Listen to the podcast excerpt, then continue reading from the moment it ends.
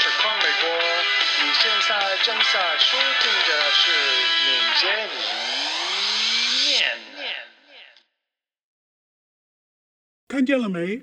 在写产品代码前，先写一小段测试，一切都会非常完美。我不知道，我觉得思维上还不太适应这种向后工作的方式。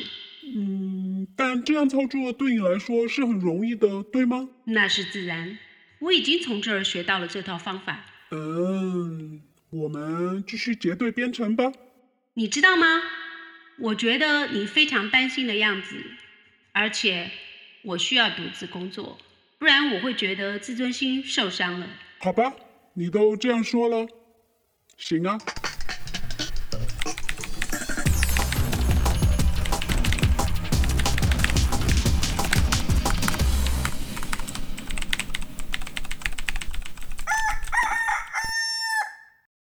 我们看看这些测试吧。来吧，你会喜欢这些测试的。我还做了一些调整。哦，我点击测试按钮的时候停顿了一下，而且弹出了一个对话框。哦，是的，这个对话框会询问用户希望往测试中传递什么样的疯狂参数，这样我们就可以用一个测试来代替你的四个测试了。啊！现在测试时我需要进行互动才能。很厉害吧，不是吗？如果需要进行调试，就都全部准备好了。但是 Joe，我并不希望与微测试进行互动。有时候会有数千个微测试，与他们互动时间上是没法操作的。只需要点击一下，全部的微测试就应该都开始运行了。哦，明白了，我来处理吧。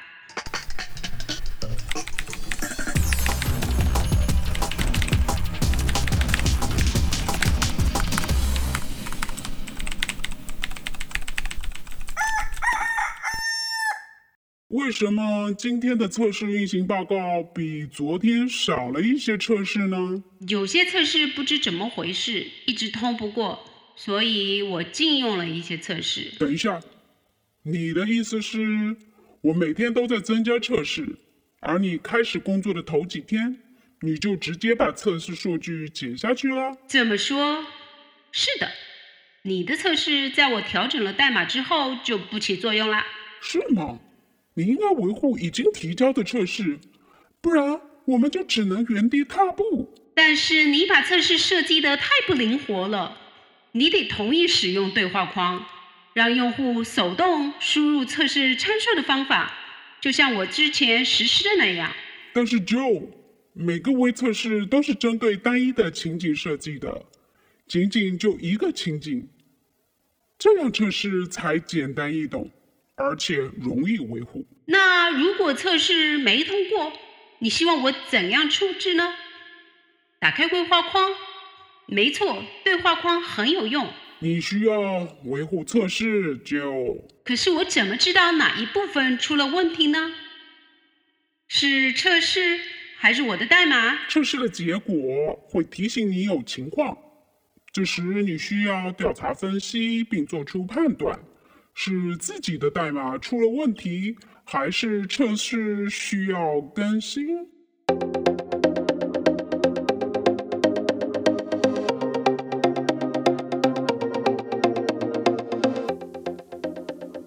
？Vanilla Pop 正在让组员开始学习 TDD。第一个错误就在于他没有让 Joe 和他一起结对编程。教育系统培养的开发者习惯自己独立完成任务，而且很多开发者习惯花费几个小时自己面对着电脑挣扎，而不愿意与其他同行争执和讨论。这就是我们的本性。这个特性对学习编程其实还是有利的。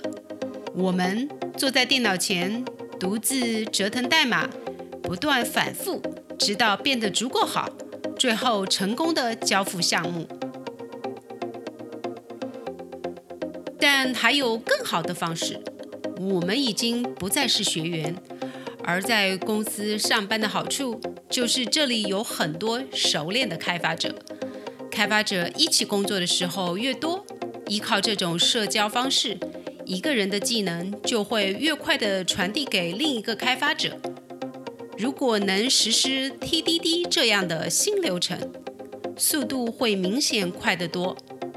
结对编程是学会技术实践的好方法，一个秘密武器。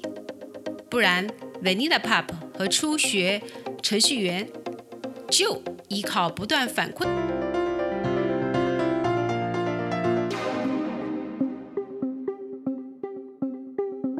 你喜欢读悬疑书吗？一本关于敏捷思维的悬疑书，《黑色敏捷》是非常有意思的。依靠戏剧性的故事讲述，教会你敏捷思维。欢迎在康美国的微店查看这一集的播客注释。下一集，代码狗转入了一场代码覆盖丑闻。你什么？你是说写程式？当你构建代码的时候，你的意思是在构建代码之后，并且只有在 Spring 结束之前还有一些时间。